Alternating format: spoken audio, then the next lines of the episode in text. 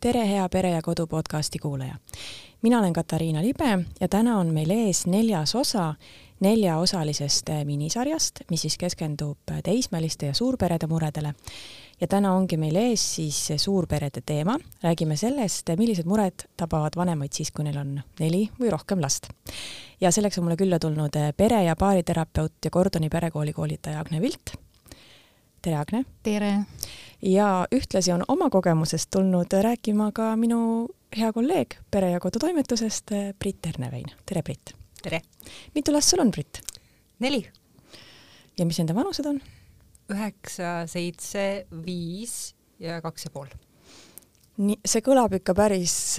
päris palju. see kõlab lärmakalt. aga teemegi siis nii, et Brit saab siis rääkida rohkem oma kogemusest Agne siis rohkem oma töökogemusest äh, ja ka Gordoni perekoolist, aga ma küsin siiski vahele, Agne, kas sul on lapsi ja kui vanad nad on? jaa, mul on kaks last. Äh, vanem saab kohe viisteist ja noorem on üksteist mm. -hmm. nii et sinu jaoks on siis kodus aktuaalsed pigem sellised teismeliste teemad? jah, teismelised, varateismelised teemad. kas sa oled oma laste puhul ka rakendanud Gordoni perekooli? jaa, loomulikult loomulikult, et see on selline asi, mis lihtsalt hakkab külge, et sa ei saa seda otsustada, kas sa nüüd rakendad või rakendad, see lihtsalt kuidagi imbub külge ja jääb külge ja, ja sa märkad neid teemasid ja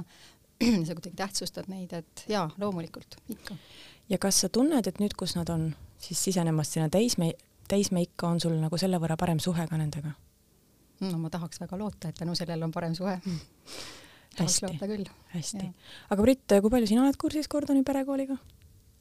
ma olen terminit kuulnud, ma olen natukene lugenud mingeid postitusi ja artikleid, aga kui keegi ütleks mulle, et nüüd kirjelda kolme lausega, siis ma jääksin tegelikult natukene jänni okei okay., aga lähme siis nüüd äh, siis ikkagi sinna suurperede murede juurde ja ma küsikski kõigepealt sissejuhatuseks, et millised on siis need tavalised mured, mis siis lapsevanemate teele tulevad, kui neil on lapsi kolm, neli või veel rohkem. minu jaoks täiesti võõras mure. Brit, jaga meiega neid muresid. kompromissid sest tegelikult hästi paljud kindlasti tahaks öelda, et aeg ja enda jagamine, aga samas mina nagu tunnen, see kindlasti oleneb inimesest ja vanemast, aga mina tunnen, et nagu see enda jagamine tuleb kuidagi loomulikult, võib-olla ka see oleneb ka noh, sellest, mis kodus toimub, aga rasked on just need kompromissid et nagu mida koos teha või mida vaadata, sellepärast et kui me võtame kahepoolese ja üheksase, neil on täiesti erinevad huvid, neil on erinevad päevagraafikud, ühel on vaja teha lõunaund, teisel ei ole, et siis kuidas nagu planeerida seda argielu niimoodi, et kõikide jaoks sobiks, et see on minu jaoks isiklikult nagu hästi-hästi raske teema mm. -hmm. Agne, mis sina oma töös näed um,? ma näen seda, et äh, ja, ja kuidas ma nagu mõtlen ja, ja arvan sellest asjast, on see, et ega need mured võib-olla laias laastus ja probleemid on sisuliselt ju sarnased um, võib-olla just see aspekt muidugi, et, et kui on hästi palju eriisiksusi, siis on see pusle nagu palju kirjum ja keerulisem ja selle, selle nii-öelda kokkupanek, et mm, et ähm, jah, et selles mõttes ähm,, selles mõttes ma arvan, et, et noh, ikkagi need teemad on suures osas sarnased, mida ka Gordoni perekool, eks ju, tegelikult õpetab, et need suhtlemise oskused on nii universaalsed, et sobivad ju igasuguste perede ja, ja ka muude kontekstide jaoks et, et mina jah, mina nagu, mina näen kuidagi niimoodi, et, et hästi suured väljakutsed on, on ressursid, ikkagi aeg, energia, raha, et kuidas jätkuks kõigile, kuidas jätkuks kõigeks vajalikuks, eks ju mm,. ühe hästi olulise valdkonnana veel ka, mida, mida Brit praegu ei maininud, aga, aga ma usun, et see on ikkagi ka hästi suur väljakutse, on, on töö ja karjääri ja pereelu ühildamine, et et kui üks vanem jääb ikkagi pikkadeks aastateks äh, tööelust eemale, siis noh, paratamatult tema tööalane eneseteostus ikkagi veidi kannatab selle tõttu. ja, ja ma mõtlen, et kui rääkida nüüd Gordoni perekoolist nüüd paari, paari sõnaga, et mis see, mis see üldse on,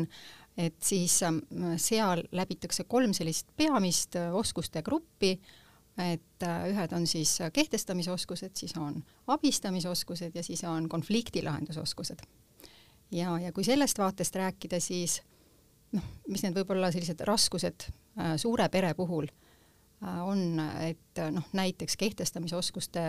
vallas, et, et ilmselgelt on neid olukordi ja teemasid, millel ennast siis kehtestada on tunduvalt, tunduvalt rohkem ähm, või kuidas enda piire seada või kuidas lapsevanemana enda vajaduste eest seista, et see on, see on ilmselt märksa, märksa raskem ja, ja või siis ka ühiselu reeglite seadmine, eks ju, et, et, et kõike arvestada. Või kui me räägime abistamisoskustest, et kui on rohkem lapsi, siis tõenäoliselt võib olla neil ka palju rohkem muresid ja probleeme, et mille korral nad äh, vanema abi vajavad ja abistamine siis Gordoni perekooli mõistes on, on kuulamine. eeskätt lapse kuulamine, et, et tõesti võtta, võtta see aeg ja, ja tähelepanu ja, ja kuulata ja aidata. ja, ja kui me räägime konflikti lahendusoskustest, siis siis ähm, kindlasti on aeganõudvam protsess, kui äh, peres kerkib mingi konflikt, et kuidas seda lahendada kõigile osapooltele niimoodi äh, sobival moel, et, äh, et see on lihtsalt aeganõudvam ja keerulisem, kui on rohkem osapooli. või, või kui on rohkem lapsi, siis neil ka tekivad omavahelised konfliktid sagedamini, mis tähendab seda, et et kuidas siis toimida, mida siis teha, kui lastel on omavahel konflikt. et, et noh, selliseid teemasid, ma arvan, lihtsalt on koguseliselt ka rohkem. ma ei tea, Brit, kuidas sa kommenteerid see konflikti osa võttis muigama, jah. -hmm. ja et see on täiesti era eraldi teema, et võime natukene pikemalt sellest ka rääkida mingi, mingi hetke pärast mm. -hmm. aga ma tahaks küsida seda, et kas millegi poolest on suurpere emal ka lihtsam kui ühe või kahe lapsega? Brit, kuidas sulle tundub? minu meelest esimene asi on, no see jälle oleneb ikkagi sellest, millised on laste enda isiksused, aga ongi see, et kui ma nagu noh, võrdlemine ei ole ilus muidugi, aga kui ma vaatan näiteks neid enda sõprasid, et kellel on üks laps, siis ikkagi, kui peres on rohkem lapsi mida rohkem neid on, seda rohkem nad mängivad ka omavahel, leiavad omavahel tegevusi, kuidagi õpivad empaatiavõimet natukene paremini, umbes, et ma näengi oma kahe poolese pealt, et kui vanem õde kukub, saab haiget, ta läheb, jookseb kohe külmikusse, ta võtab sealt jääkoti ja läheb, paneb talle peale. Et noh, võib-olla siukseid asju, et kui sa oled nagu ainuke laps, et siis tekib kuidagi vähem, et tihti ikka see ema sul kukub niimoodi, et sa pead jääkotti tooma kuskilt, eks ole. et see empaatiavõime ja koos tegemine, koostöövõime, võime just seesama ka omavahel konfliktide lahendamine et noh, minu meetod on ikkagi see, et kui nad tulevad, et see tegi seda, too tegi toda, et siis ma nagu ütlengi, et aga proovige kõigepealt omavahel see asi läbi, läbi arutada, et proovige omavahel lahendust leida ja kui nad ei leia, siis noh, ma muidugi aitan ja kuulan ära ja siis vaatame, et mis juhtus. et kindlasti ei taha leida nagu seda süüdlast, vaid lihtsalt nagu vaadata, et mis seal toimus. Ja siis teine asi minu meelest vanemana on see, et kui sul on nagu rohkem lapsi, sest noh, tihtipeale me ikka emadena hakkame võrdlema, et oi, sellel seal oli niimoodi ja tollel naamoodi, aga et kui sul on mitu last ja sa kasvatad neid samamoodi, siis sa saad aru, et ka nagu samas kasvukeskkonnas, samade kasvatusmeetoditega kasvatatud lapsed võivad olla nii erinevad. ja siis sa kuidagi saad aru, et kui sa nagu isegi sellel baasil ei ole ju mõtet võrrelda, et mis ma siis nende võõraste laste võõraste emadega veel võrdlen, et kuidagi tekib rohkem seda enesekindlust või kuidagi sellist, et lapsed ongi erinevad, erineva arengutempoga, erinevate vajadustega. et mina tunnen, et näiteks kolme lapse emana tundsin ma ennast emana kümme korda enesekindlamalt, sest ma sain palju paremini aru juba sellest, kui erinevad võivad lapsed olla, kuigi ma kasvatan neid ju samamoodi tegelikult mm -hmm.. võib-olla see ka arendab emas empaatiavõimet. just mm. -hmm. Agne, mis sina arvad? -hmm. ja ma arvan, et empaatiavõime on, on hästi oluline ja, ja ma täitsa noh, väga haakun sellega, et, et ähm,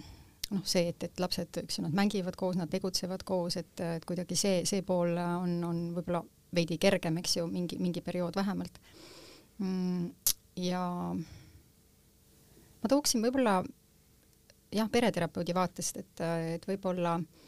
ma tooksin selle ka sisse, et äh, ütleme, õdede ja vendade nagu olemasolu üldse, et sõltumata sellest, kui palju neid on, et see on nagu suurepärane sotsiaalsete oskuste kool tegelikult lapsele.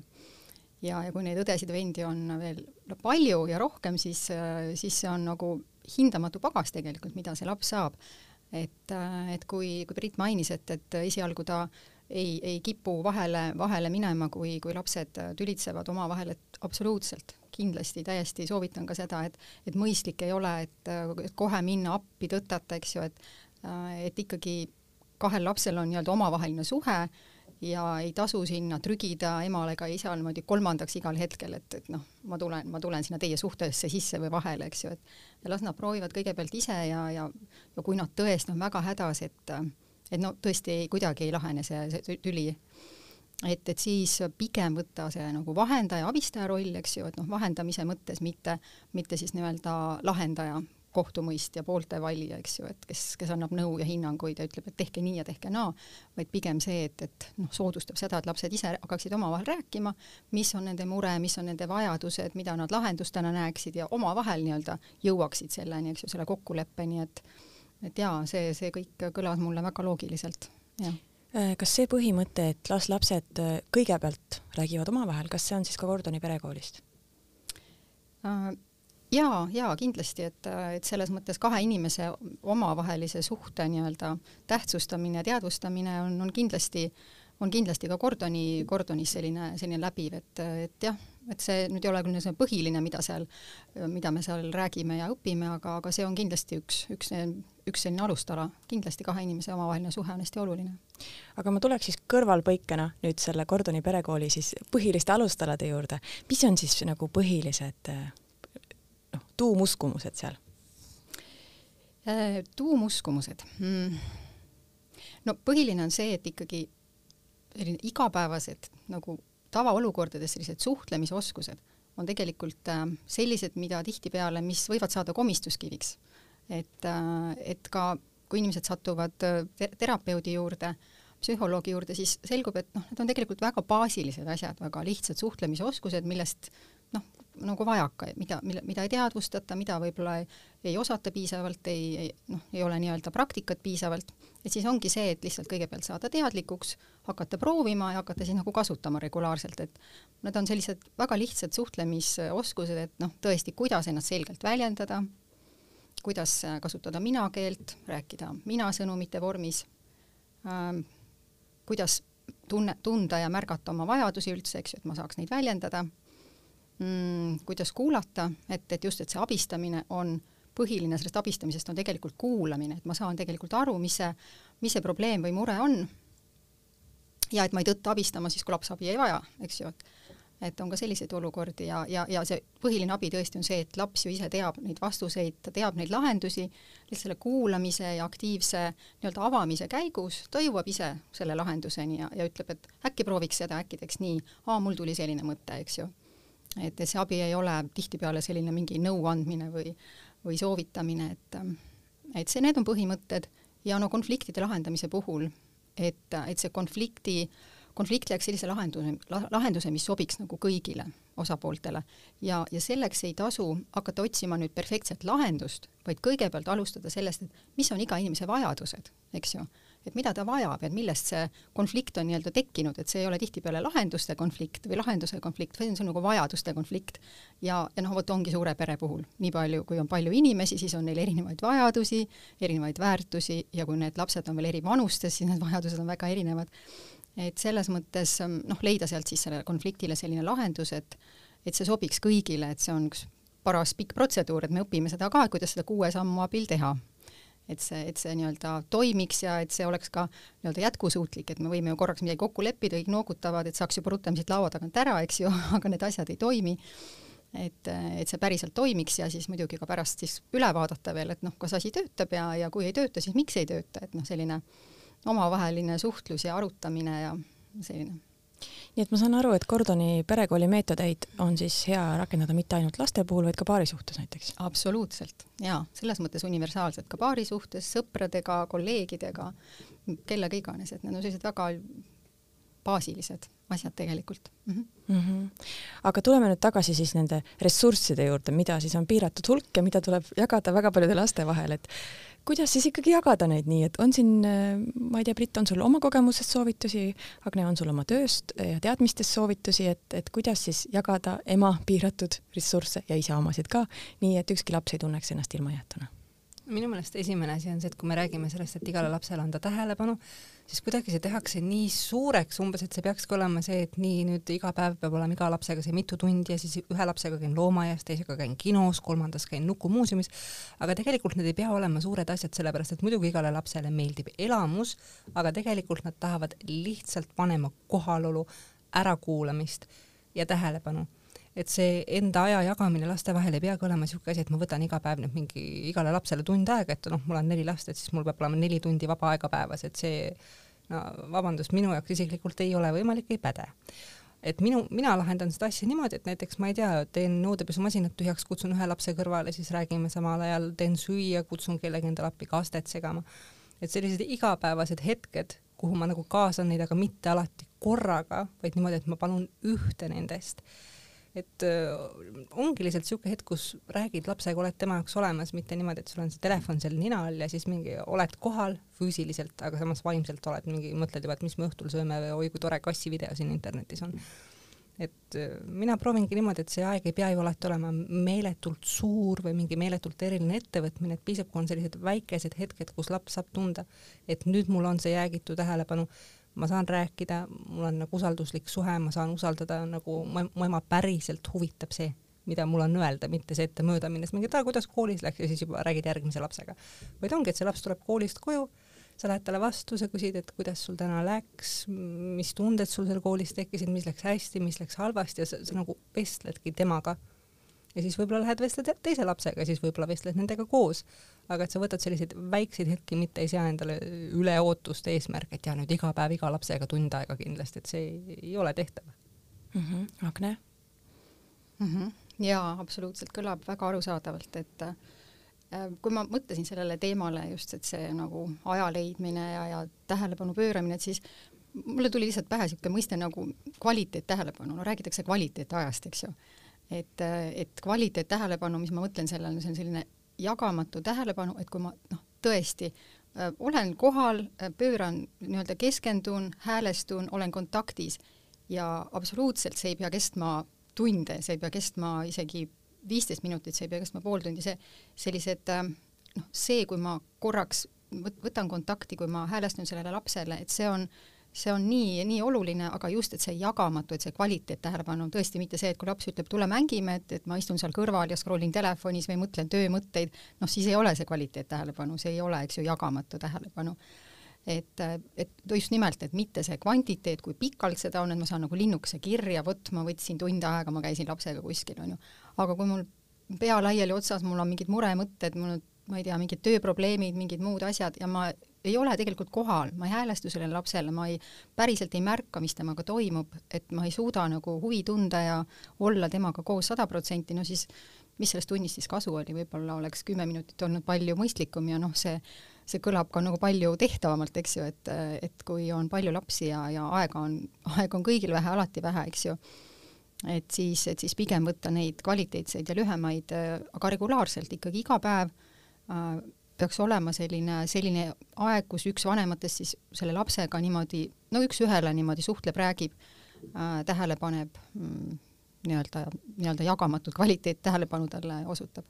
mm. -hmm. Mm. ja ajalisi piiranguid või aja, ajalisi ettekirjutusi siin siis ei ole, jah? noh, erinevad ettekirjutused on niimoodi läbi käinud siit ja sealt, et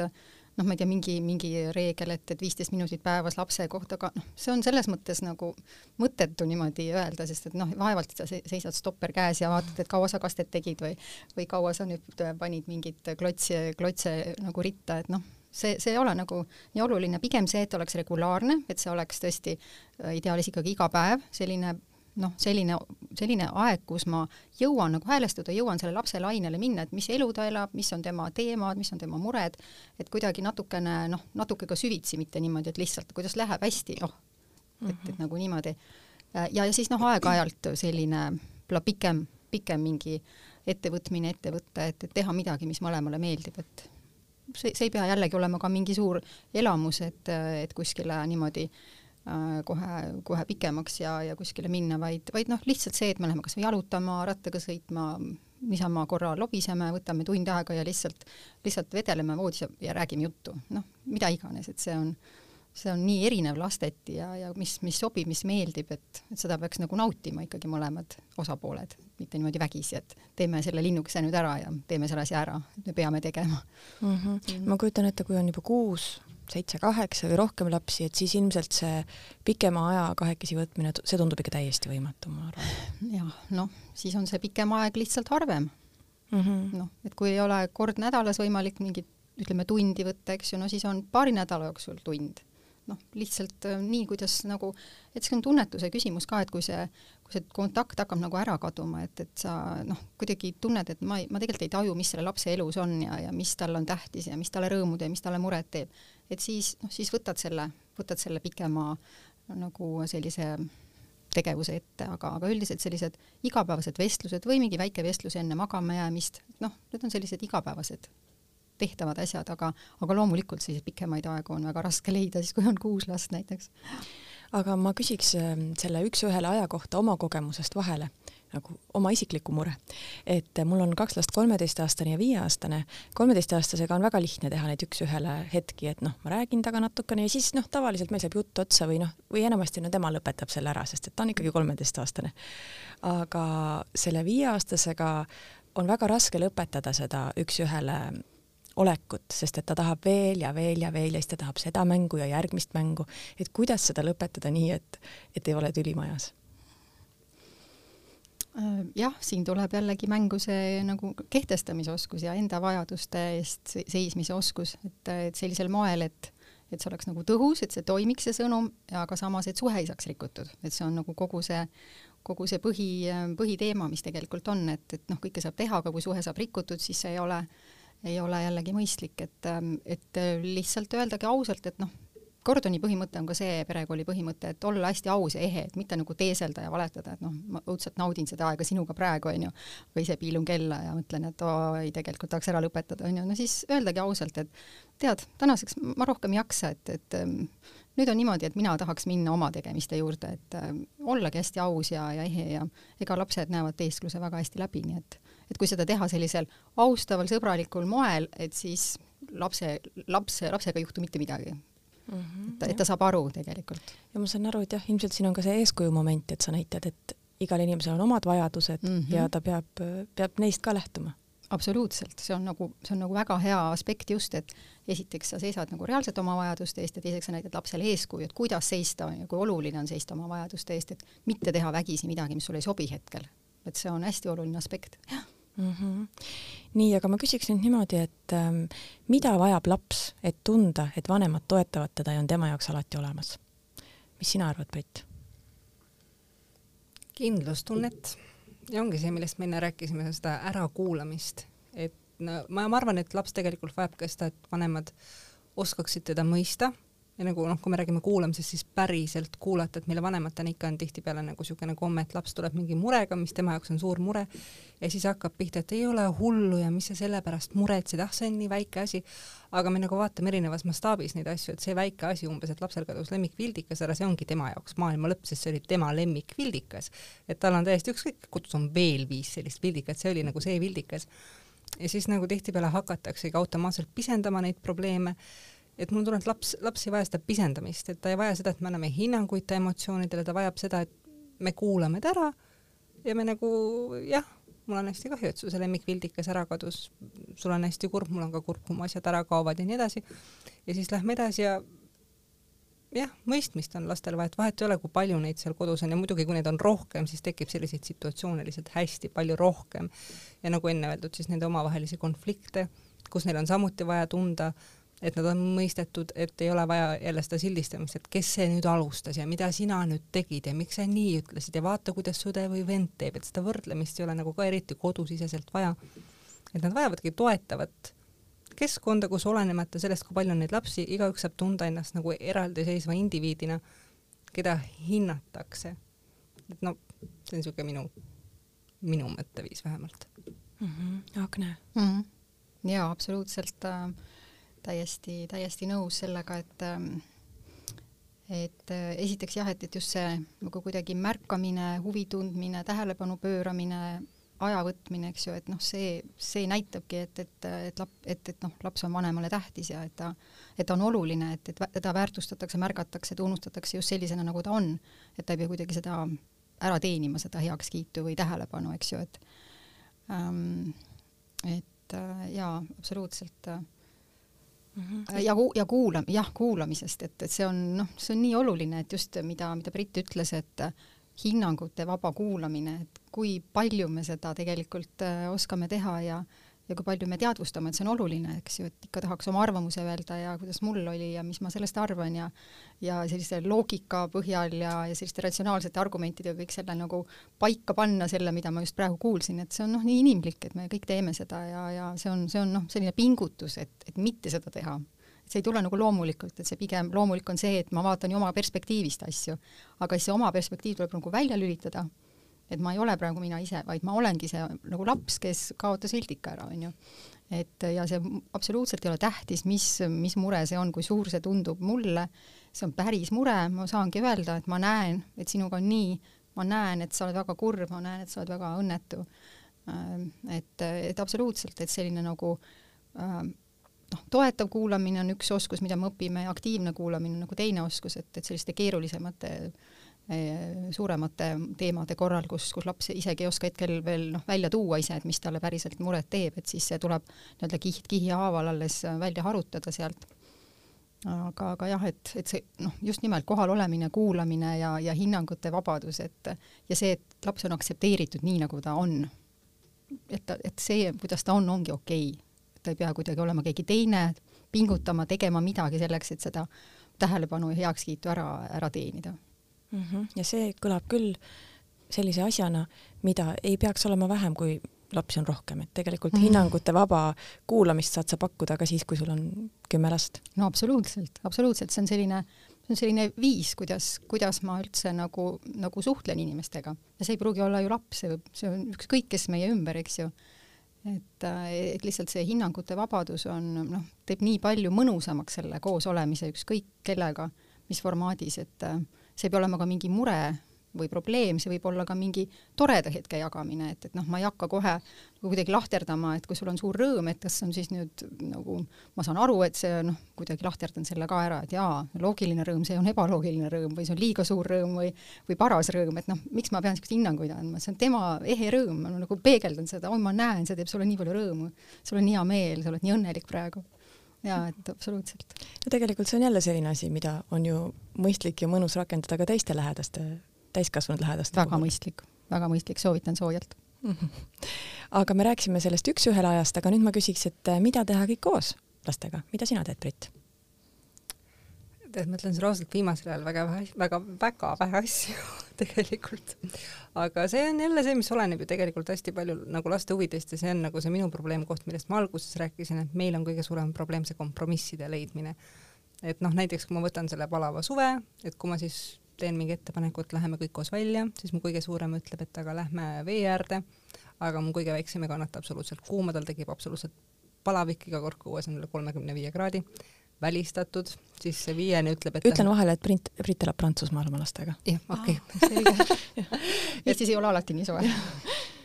et või no kui siis näiteks see viiene ütleb, et lähme batuudiparki, aga siis nagu seitsmene ühel hetkel nagu sattus väga kõvasse õnnetusse batuudipargisse, ega tema ei taha sinna minna.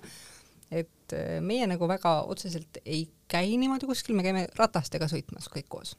ja see on siis lahendatud niimoodi, et see kõige väiksem on selles äh, ratta taga niisuguses nagu järelveetavas treileris, sellepärast et muidu me kõik läheks lolliks tema järgi oodates, sest ta vaatab iga posti, autot ja kõike, mis satub teele.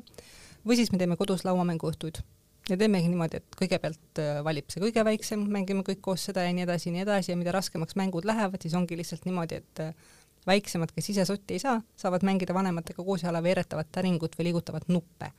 sest noh, nende jaoks ongi tegelikult see osa tore, et saab midagi loopida ja kuskil käia ja vahepeal mingeid kaarte põrandale visata. et meie teeme nagu siukseid lihtsaid asju või siis teemegi kõik koos süüa, et te keerutame gloobust näiteks enam-vähem sinna, kuhu näpp jääb, siis selle maa köögi mingi retsepti üritame otsida. ja siis ongi see, et lähme kõik koos poodi, valime asjad välja, et üritame teha siukseid lihtsaid asju mm. -hmm. no see kõlab juba väga, väga palju nii, Agne, mis sina arvad? Jaa, ma oleks enam-vähem samu asju nimetanud, mis mulle nagu pähe tuleks, et mida annab teha ja muidugi tuleb ju arvestada, eks ju, et kes meil seal kambas on, kui vanad nad on ja mis huvidega ja ja, ja selliste eelistuste ja vajadustega nad on, et absoluutselt, et aga noh, tõesti saab ju teha koos süüa, saab ju koos minna matkama või rattaga sõitma, et noh, kui see niimoodi läbi mõelda ja ära organiseerida, siis on ju kõik võimalik. et äh, lihtsalt võib-olla mainin, et äh, üks minu väga hea tuttav suurpere ema ütles, et lihtsalt äh, tema nagu mainis seda, et tema jaoks on see keskkonnavahetus nagu hästi oluline, et et saada, nende nagu optimaalne selline tasakaalupunkt on kord kvartalis, et peab saama sellest tavakeskkonnast välja nagu kas kuskile väljasõidule või reisile või või pikemale eemalolekule kodust, et, et noh, see kodune keskkond ja kõik see olme ja kõik see ilmselt on nii nii rutiinne ja, ja ka kurnav ja väsitav mingis mõttes, et, et noh, lihtsalt sellest tuleb aeg-ajalt välja saada, et see oli noh, ütlengi, et et ise nagu sellist ehedat kogemust otseselt ei ole, aga, aga noh, ma täiesti kujutan ette, et, et nii see, nii see võib olla küll, et seal iga pere leiab siis oma mingi punkti, tasakaalupunkti. et kuidas ta, aga jah, et pere liitvad tegevused on no, absoluutselt hästi vajalikud ja, ja noh, neid tegevusi ikkagi on, et noh, vot lauamängu peale ma isegi võib-olla ei oleks tulnud, et kuidas mängida nii erinevates vanustes lastega lauamängu, aga noh, ikkagi on võimalik, keegi keerutab täringut ja tunneb ennast seal väga kompetentse ja tähtsana, eks ole. ta ta rõõmus selle üle. ja, ja, ja mm. nii et kõik on võimalik nagu hea tahtmise juures ja just meie peres on Uno see üks ja ainuke mäng, mis sobib nagu igas vanuses inimestele. jaa, see on hea mäng, see on tõesti kerge, kerge. Äh, nüüd ma küsiks selle kohta, et äh, kui ühel lapsel on äh, probleem, vot Brit just enne ütles, et lapsed on erinevad, et kui ühel lapsel on koolis näiteks keerulisem või tal on selline, ütleme, et elavam iseloom ja temaga on igasuguseid probleeme ja vanemate tähelepanu läheb väga palju tema peale, siis kuidas seda ikkagi niimoodi jagada, et, et teised ei tunneks ennast ilmajäetuna? Brit, kas sul on selle, sellega mingit kogemust? Mul ei ole konkreetselt sellega, mul on nagu natuke teises valdkonnas, ehk siis see, et mu kõige väiksem on hästi tihti haige. Ja nagu noh, kui tema on haige, siis ta ongi nagu täiesti lõsakil niimoodi, no selle võrra muidugi kergem, et see on see kõige väiksem, sest suuremad on iseseisvamad, saavad endaga paremini ise hakkama, aga ikkagi on mingid perioodid, kui me oleme a la haiglas mingi hästi suure lööbega ja või siis on see mingisugune eelne seisund, et me ei tea, kas me nüüd satume haiglasse või ei satu, et see on ikkagi hästi stressirohke ja siis nagu suurem osa ajast mu mõtted ongi umbes seal, et ma iga kümne minuti tagant kontrollin ta nahka ja kreemitan ja vannitan ja teen mingisuguseid asju, et siis ma tunnen tegelikult ise ka, et kõik teised jäävad ikkagi tahaplaanile, aga ma enda jaoks olen selle kuidagi ära ratsional-, ratsionaliseerinud, et me ju räägime tegelikult tervisest. et see, kui mu lapsed ei saa mõnda aega seda lisatähelepanu, no ma arvan, et neil ei ole seetõttu tulevikus teraapiat vaja no ilmselt nii või naa kõikidel ühel hetkel on tulevikus teraapiat vaja, et vahet ei ole, eks. Aga samamoodi ma mõtlen nagu selle kooli asja peale ka, et kui on nagu mingi sihuke periood, siis võib-olla kolme kuu pärast on mõnel teisel lapsel niisugune periood, et neid perioode tekib ja ma arvan, et keegi ei peaks ennast üldse tundma süüdi selle pärast, kui ta nagu kakskümmend neli seitse ei saa kõikidele lastele võrdset tähelepanu anda, et niisuguseid asju juhtub ja noh, kõige alus ongi ikkagi ju kommunikatsioon, et lapsed on küll väikesed, aga nad saavad aru, nendega saab rääkida, lihtsalt nendega peab eakohaselt rääkima, et ei ole mõtet hakata kolmeaastasele seletama mingite hullude terminitega asju. et siis sa lihtsalt seletadki, et praegu on niimoodi ja meil on äh, väga kahju, aga siis võib-olla lihtsalt õhtul loed talle ühe jutu asemel kaks ja kuidagi noh, mõistuse piires ikkagi proovid kompenseerida seda mm. -hmm. Agne, mis sa arvad mm.? Jaa, et, ähm, et see noh, tähelepanu jagamine, eks ju, et, et ähm, noh, esiteks tõesti ma rõhutan üle, tähelepanu saab olla jällegi korraga ainult ühel asjal, äh, kindlasti hästi oluline see, et, et noh, mitte, mitte nagu väga hullult stressata, sellepärast et noh, vot praegu ma pean tegelema haige lapsega, on ju, nii, nii on ja ei aita teisi lapsi see, kui mu ärevus läheb väga üles või, või ma olen väga nagu kuidagi liimist lahti selle pärast ja süüdistan ennast, et noh, see kindlasti ei aita ka mitte kedagi, eks ju et lihtsalt teadlikult äh, siis mõeldagi niimoodi ja kommunikeerida ka lastele, et praegu on nii, et, äh, et täna ma olen äh, õe või venna päralt ja vot siis homme või ülehomme me saame koos teha midagi, et noh, lihtsalt neil oleks nagu selge arusaam, et, et kuidagi nemad ei ole nagu unustatud või kuidagi ka mõnikord lapsed tajuvad, tajuvad ennast süüdi mingite täiesti äh, selles mõttes sellistes olukordades, kus neil kuidagi psühholoogiliselt süüd ei saaks olla, eks ju, et noh, lihtsalt öelda, et kõik on hästi, et praegu, praegu lihtsalt on see, et ma pean tegelema õe või vennaga. aga, aga jah, et ma lihtsalt tegelikult ähm, korra veel pereterapeudi vaates tooksin, tooksin sisse selle teema, mida ma ka nagu olen näinud äh, päris tihti, on see, et et kui pered pöörduvad ja tulevad, et ähm, et kuidagi äh, tähelepanu ja aeg, et kipub minema äh, hästi palju just, just nagu nendele lastele, kellel on, kes on nagu nii-öelda keerulisemad või raskemad, noh tõesti, kas mingid tervisemured, eks ju, või nad on lihtsalt äh, kuidagi, käituvad kiuslikult või trotslikult või nad on lihtsalt aktiivsemad, nendega juhtub hästi palju, siis see tähelepanu, vanemate tähelepanu, mida noh, on ikkagi piiratud hulk, et see läheb hästi palju nendele lastele, nendele raskematele lastele. ja siis need nii-öelda kergemad, vaiksemad lapsed, noh, nad lihtsalt niimoodi on seal taustal ja, ja noh, kuidagi vot see on hästi oluline koht, et olla hästi teadlik sellest, mõelda sellele, pöörata tähelepanu ja võtta ka reaalselt aega äh, sellele lapsele, kes seda võib-olla ei küsi, ei nõua, kuidagi ei näita oma käitumisega välja, et tal noh, nüüd on vaja vanema tähelepanu sest et tihtipeale lapsed ju väga häälekalt hakkavad nagu märku andma, et nüüd on see minu tähelepanu koht, eks ju, mõnikord nad just tekitavadki sellise käitumise selleks, et tähelepanu saada, mis ei ole nagu okei okay või aktsepteeritav, eks ju, et, et just kui olla ise teadlik selles osas, siis võtta ka aega nende kergete laste jaoks.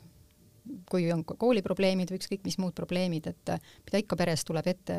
igasuguseid teemasid, aga lihtsalt, et noh, nende lastega, kellega parasjagu probleeme ei ole, et nad ei jääks täiesti tähelepanust ilma nagu pikemaks ajaks mm. -hmm. ma küsiks nüüd natukene teise nurga alt, et, et eri vanuses lastel on ikka eri, erinevad reeglid, noh, nelja-aastasel on teistsugused vabadused ja kohustused kui neljateistaastasel, aga kuidas siis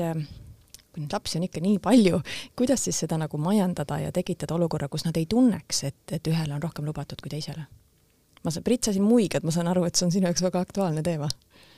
ma ütlen sulle kohe vastuse, mis on ilmselt hästi ebapopulaarne. ma arvan, et neil ei peagi olema samad õigused ja ma arvan, et see on täiesti okei okay,, kui nad seda ka tunnevad. sellepärast, et nagu kui, kui me võtame selle näiteks nelja ja neljateistaastase, me ju ei saa eeldada, et neil on samad asjad lubatud või üldse samad kohustused. kui ma ütlen neljasele, et korista palun oma tuba ära, ma ei saa eeldada, et ta see, et ta teeb seda sama hästi kui neljateistaastane, ta ei oska veel. Ja samamoodi see neljane ei saa eeldada, et tema võib õues äh, ringi hängida sama kaua kui see neljateistaastane, sest tal puudub see ohutunne, tal puudub nagu, ühesõnaga minu jaoks on see nagu täiesti okei okay,, et eri vanuses lastele ongi nagu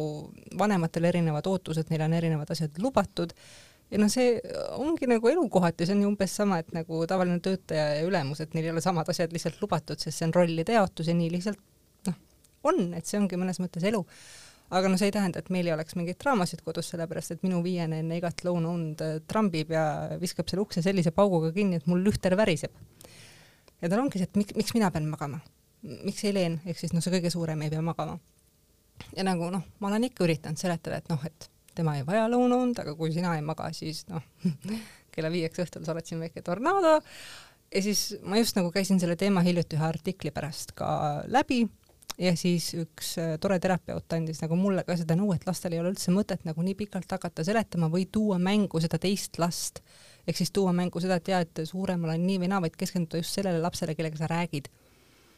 ja nagu see tundus mulle nii loogiline kuidagi, et tegelikult nii ongi, et miks ma hakkan jaurama sellest, mida Helen tohib või ei tohi või miks ta tohib, kui ma võiksin keskenduda just sellele viiesele, kellega ma räägin. ja noh, minu arust need on niisugused konfliktid, mida natukene nagu peabki olema, sest no võib-olla see ei kõla ilusasti, aga elu ei olegi alati võrdne. et ei saagi minna läbi elu niimoodi, et kõik on kõikidele lubatud ja kõik saavad kõike võrdselt, et kuhu ma niimoodi jõuan lapsevanemana või nagu ma ei tea, mis põhimõtted need lapsed kaasa saavad, kui kõikidele on kogu aeg täpselt samad asjad lubatud, et nagu peab ju ikkagi lähtuma lapse arengufaasist ja vanusest ja siis mõistusega minema ja mitte hakkama hullult jälle kompenseerima stiilis, et oi jah, et eh, sinu vanem õde saab kauem väljas olla, aga tule, ma nüüd ostan sulle jäätist sellepärast, et sa oled väiksem ja pead varem magama minema, et see nagu ka nagu väga ei päde minu silmis mm. -hmm. Agne mm? -hmm jaa, noh, selline jah, selline teema ja kemplemine, et, et noh, miks ma ei tohi ja miks äh, õde või vend tohib, no see on mulle ka isiklikult praegu hästi tuttav, see on, kuna mul on lapsed sellise kolmeaastase vanusevahega, no siis on kogu aeg selline, miks tema ei pea tegema ja miks mina pean rohkem tegema ja kas ta juba tegi ja noh, et see on selline igapäevane temaatika et äh, jaa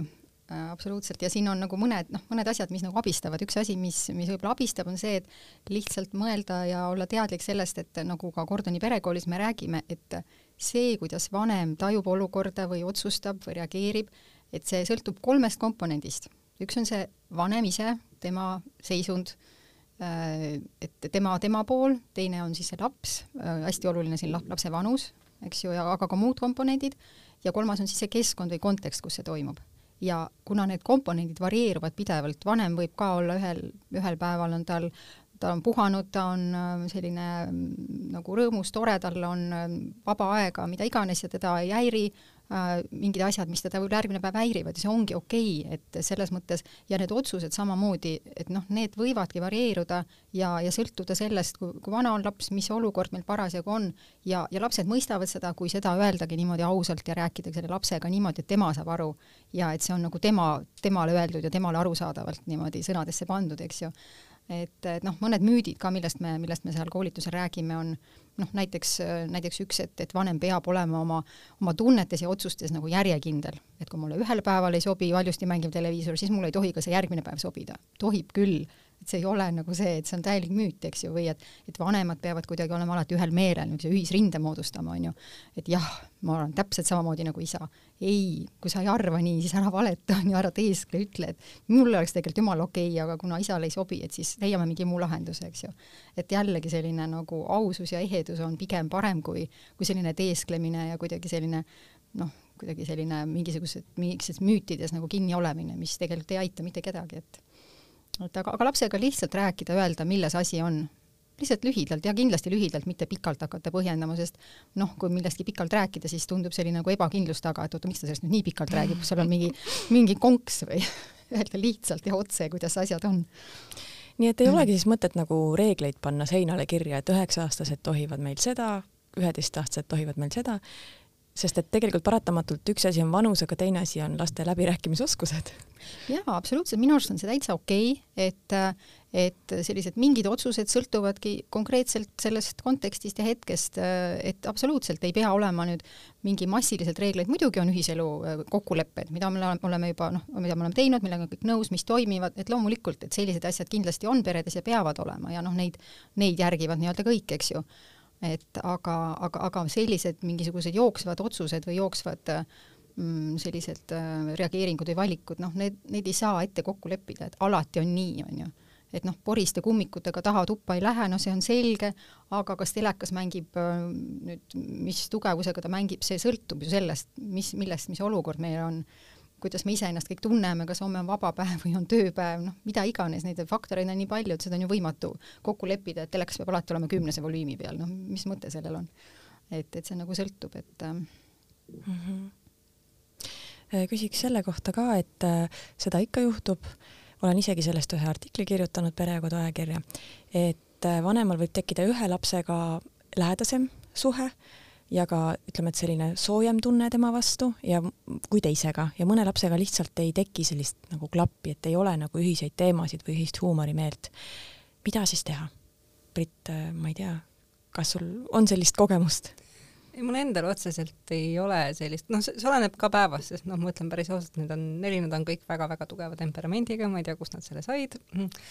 aga no ikka mõni päev on selline, kus ma nagu mõtlen, et oi jumal, nagu kelle laps sa oled, nagu päriselt, kelle laps sa oled.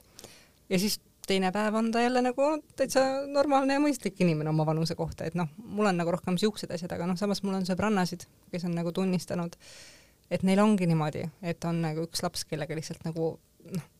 ei saa öelda, et ei armasta, aga on rohkem see, et ei taha võib-olla nii palju koos olla ja ei ole seda sidet.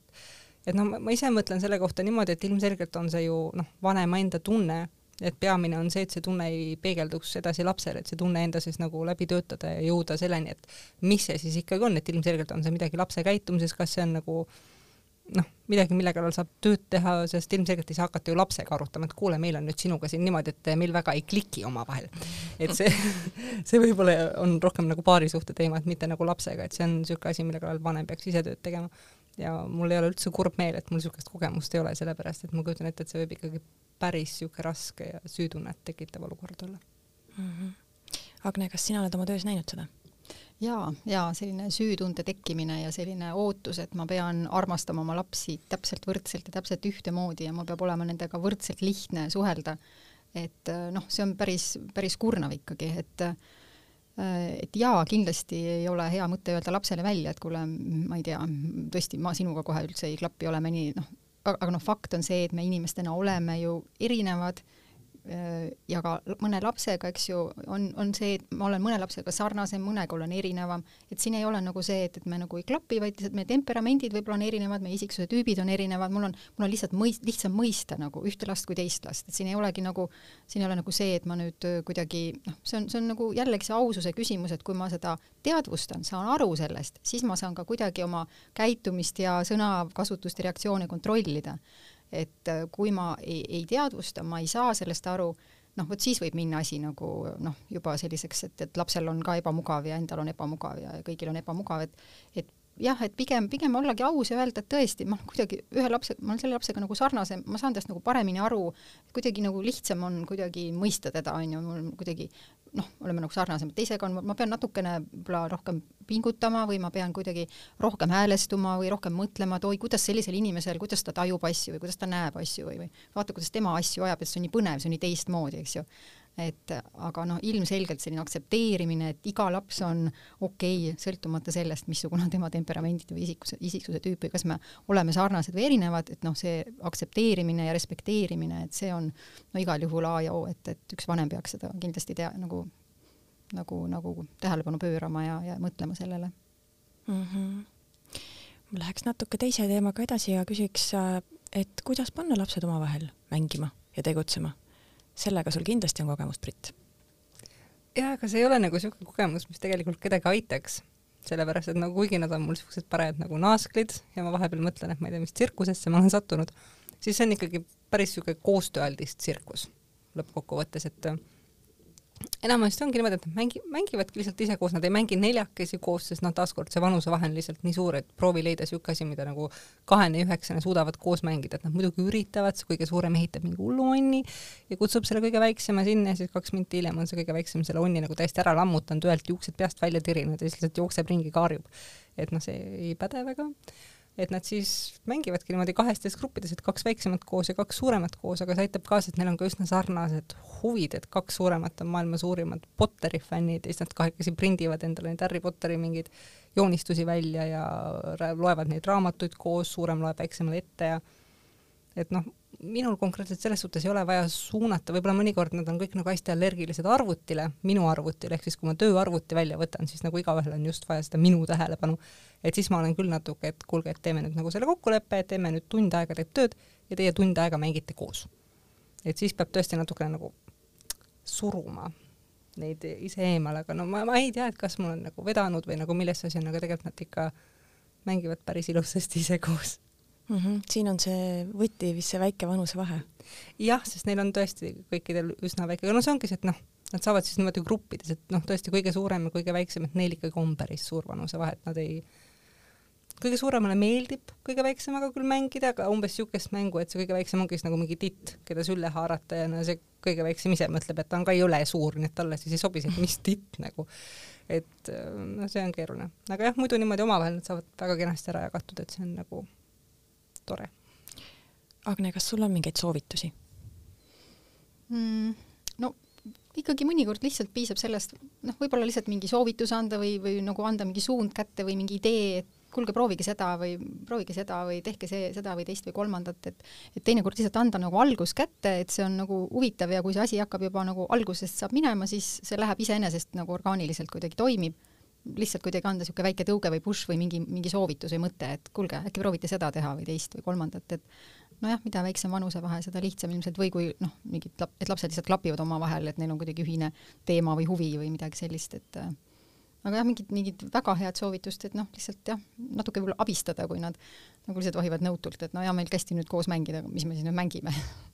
Et sealt soovitada, no kas või, kas või tõesti Uno või ükskõik mida lihtsalt tuua, eks ju, et äh, kuulge, te pole ammu Unot mänginud, aga mängige, see oli ju tore, mäletate või noh, mida iganes mm. -hmm, mm -hmm nii, ma hakkaks juttu vaikselt äh, kokku võtma ja küsiks lõpetuseks, et oleme siin rääkinud sellest, et äh, me oleme nagu väga lastekeskselt rääkinud,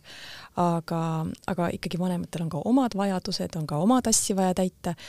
ja alguses oli juttu sellest, et mida rohkem lapsi, seda, seda rohkem seda ajalist ja nagu tähelepanu ressurssi sinna läheb, et kuidas ikkagi leida iseenda jaoks aega ja kuidas leida aega ka suhte jaoks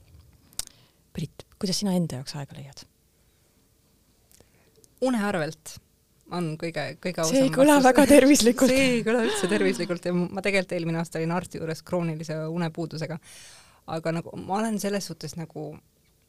üsna, ma ei tahaks öelda introvertne, aga ma ei ole väga inimeste inimene. Kuigi mu töö hõlmab nagu inimestega suhtlemist ja mu hobid hõlmavad inimestega suhtlemist, siis tegelikult nagu enda sees ma ei ole üldse inimeste inimene. et see, ja see hõlmab ka mu enda perekonda. ehk siis, kui mul ei ole iga päev nagu vähemalt kahte tundi, kus ma mitte kedagi ei näe, siis ma järgmine päev olen täiesti nagu lolliks läinud põhimõtteliselt, et mul on vaja seda aega, kus ma saangi ennast maha laadida ja olla täielikus nagu vaikuses, mitte mingit telekas ei plärise taustal, et mul ongi vaja lihtsalt vaikust ja üksi olla aga me hakkame lapsi magama panema kuskil kella kaheksast õhtul ja siis on mingi sada ringi umbes seda, et mul on pissile vaja, ma tahtsin sulle head ööd öelda ja kas sa mu kaisukale ikka tegid musi ja siis noh, korrutame selle kõik neljaga, et siis kuskil peale kümmet tekib see hetk, kus nagu lõpuks keegi enam ei jookse sealt trepist alla. ja siis on ju ikka see, et siis alles hakkad seda elutuba koristama, mis on ka mingi miiniväljaks põhimõtteliselt muutunud, siis sa lähed pesed need nõud ära ja siis võib-olla lähed kastad oma mingid peenrad ära, kell on juba üksteist, aga seda üksi olemise rahulikku aega pole ju ikka tulnud. Et minul hakkab see siis. et siis ma enamasti olengi kuskil kella kaheni öösel ärkvel ja lihtsalt loen ja olen ja hommikul nii kahetsen kõiki oma eluvalikuid, aga samas ka nagu ei kahetse, sest mul on olnud see võimalus nagu minu jaoks, ma tean, et see ei ole tervislik, aga minu jaoks need kaotatud unetunnid, aga see, et ma saan nagu iseendaga olla, on seda väärt. aga no muidugi mul on ka lihtne öelda, sellepärast et mul on ka niisugune töö, mis võimaldab mul näiteks töö osas valida, et millal ma seda teen ja kus aga minul on jah, minul on enda laadimiseks vaja olla üksi, et mul ei ole vaja nagu noh, muidugi mulle meeldib ka loodus, aga mul ei ole ilmtingimata vaja kuskile mingi männi alla, männi õhku, männi õhku mingi minna hingama, et mul on lihtsalt vaja üksi olla põhimõtteliselt. Äh, Prantsusmaal, ma saan aru, lapsed olid siis terve suve kodus mm? -hmm jah, see ei kõla väga. see oli nii entusiastlik praegu. Äh, aga nüüd sügisest nad lähevad ju kõik lasteaeda ja kooli, et kas sa siis võtad seda iseenda aega siis ka päeval millalgi? ma arvan, et siis hakkab jah paremaks minema, sellepärast et mul tuleb nüüd järgmisest nädalast esimest korda üheksa aasta jooksul niisugune aeg, kus mul on vabad nii hommikud kui pärastlõunad ja ma kohe ei tea, mis ma selle ajaga kõik ära teen, kõik maailmaraamatud loen ära lihtsalt, see on nii tore. natuke on kurb ka, sellepärast nad kasvavad nagu suureks ja mis mõttes nad kõik lähevad. aga ma usun, et munegraafik saab kindlasti, kindlasti paremaks selle võrra mm. -hmm sellest võime täiesti eraldi saate teha, kuidas Prantsusmaal lapsi kasvatatakse, aga ma küsin vahele, et ma saan aru, et Prantsusmaal tegelikult vanematel, vähemalt ühel vanemal on siis vähem võimalust keskenduda oma tööle, et lapsi peab siis pealelõunal tooma koju, neile süüa andma? see oleneb laste arvust, sellepärast no esiteks mina räägin ainult enda kodukohast, sest Prantsusmaa on nii suur ja lai, et mm -hmm. nagu isegi vaheajad on erinevatel perioodidel, et terves riigis ei ole samal ajal. aga meie linnas on jah niimoodi, et kooli läheb see laps siis kell pool üheksa hommikul, kell kaksteist tuleb ta tuua koju, et talle süüa anda ja siis pool kaks tagasi viia ja siis kell neli uuesti minna. sööklad on, pikapäevarühmad on aga näiteks meie puhul maksavad nad äh, umbes kakskümmend, kakskümmend viis eurot päeva kohta lapse kohta. ehk siis, kui sul on juba üle ühe lapse, siis nagu see summa, mis sul kulub selle kõige peale, põhimõtteliselt on targem lihtsalt kodus olla mm. -hmm. sest muidu sa käid tööl selleks, et su lapsed saaksid käia sööklas, mis nagu ei tundu matemaatiliselt nagu kõige arukam kalkulatsioon hästi, aga teeme ükskord saate sellest, kuidas Prantsusmaal lapsi kasvatatakse. aga ma küsiks, Agne, sinu käest lõpetuseks, et kuidas sa ikkagi seda enda tassi täita, et on sul mingeid paremaid soovitusi kui uneajast?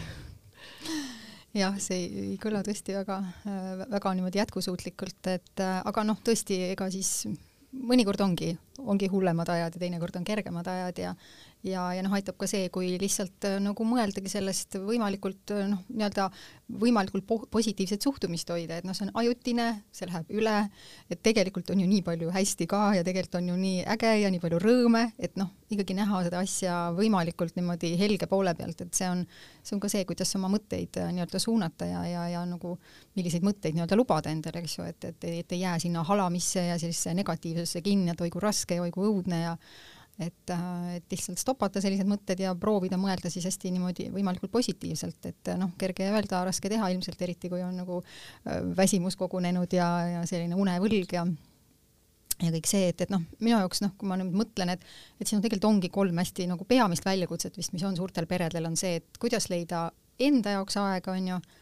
et seda oma aega et kuidagi oma vajaduste eest seista, oma hobid, oma sõbrad, et ennast laadida, ükskõik mis moel see on, tõesti, mõni ei vaja sõpru, mõni vajab omaette olemist, aga noh, sõltuvalt siis inimesest, et tunnetada see oma vajadus ära ja need vajadused ja nende eest seista, mm, noh, kindlasti paariaeg, teine väljakutse, eks ju, mis on ka kindlasti omaette teema et, et kuidas seda piisavat paariaega leida ja et, et just seda nagu teadvustada, et see on oluline, et noh, sageli piisabki juba teadvustamisest, sest et siis juba sa hakkad mingeid asju noh, millegi tähelepanu pöörama, tekitama mingeid hetki juba mm, et ja noh, siis ka see üks-ühele aeg lastega, mis samamoodi on matemaatiliselt tundub kohati täiesti võimatu missioon, aga, aga noh, ma ütlengi, et, et noh, tegelikult noh, tegelikult nüüd siis ongi see, et lahendus on ilmselt jällegi, mis kolm märksõna, mis minu meelest jällegi peavad appi tulema, on, on see ikkagi aja juhtimine, et see aja juhtimise meistriklass, kuidas see kõik ära mahutada äh, sellesse ööpäeva ja, ja nendesse päevadesse, mis, mis, mis on, on ju piiratud e,. Ehm, tiimitöö, ma arvan, et, et noh, et tõesti igaühel oma, selles peres on oma roll, et ta saab ju anda oma panuse, ta saab kas või kodutöödes aidata, on ju, kaasata mehi rohkem, usaldada mehi rohkem, et kohe, kui laps on sündinud, et, et mitte nagu klammerduda ja arvata, et mina saan nagu üksi kõige paremini hakkama, aga nagu anda ka mehele vastutust ja, ja et ta, et ta niimoodi et ta oleks harjunud ja, ja, ja oskaks seda teha ja noh, et kuidagi saaks jagada neid töid, kaasata tugivõrgustikku kindlasti, hästi oluline, et mitte häbeneda seda, et et küsida, kutsuda appi või küsida abi näiteks vanavanematelt, eks ju, et et mis iganes, see ei ole su enda pärast, see on ju ka laste pärast, on ju, et ka see suhe nende, nende ja lastelaste vahel on ju hästi oluline. Mm jah, ja no paindlikkus, ma arvan ka võib-olla, ma ei tea, et selline, et noh, ollagi nagu paindlik ja lubada sellist spontaansust, et kõik ei saa olla kontrollitav, ette planeeritav, et, et noh, peabki olema mingi, mingi varu selleks, et asjad lähevad hoopis teisipidi ja, ja ja lapsed ei tee neid asju nii kiiresti ja sel moel, kui ma praegu olen arvestanud sellega, on ju, et noh, mul on täpselt ainult vot see loetud minutid ja mitte sekunditki rohkem, et ei, noh, pigem ikkagi planeeri see spontaansus sisse ja et kuidagi, kuidagi need on minu mõtted ja, ja, ja noh, säilitada ikkagi see positiivsus ja, ja rõõmus meel, et, et siis on kõik asjad lihtsamad mm. -hmm. lõpetuseks küsin, et äh, kust saab õppida Gordoni perekooli meetodeid, tehnikaid? koolitused toimuvad, saab tulla koolitusele, et see on selline kaheksa korda kolm tundi koha peal käimise koolitused, seal on teooriad, seal on harjutusi, rollimänge, et selline, selline põhjalik intensiivne koolitus, kus kõik need teemad läbi käiakse mm. -hmm. Need on erinevates linnades üle Eesti. kust saab infot selle kohta, kus sina näiteks koolitad? sinamina.ee lehel on koolitused üleval mm. -hmm. hästi. aga aitäh teile selle toreda vestluse eest, aitäh Agne, aitäh Brit! aitäh, palun, aitäh kutsumast! aitäh, armas kuulaja, et sinagi meid ära kuulasid, loodan, et sul oli ka põnev ja kohtume jälle nädala pärast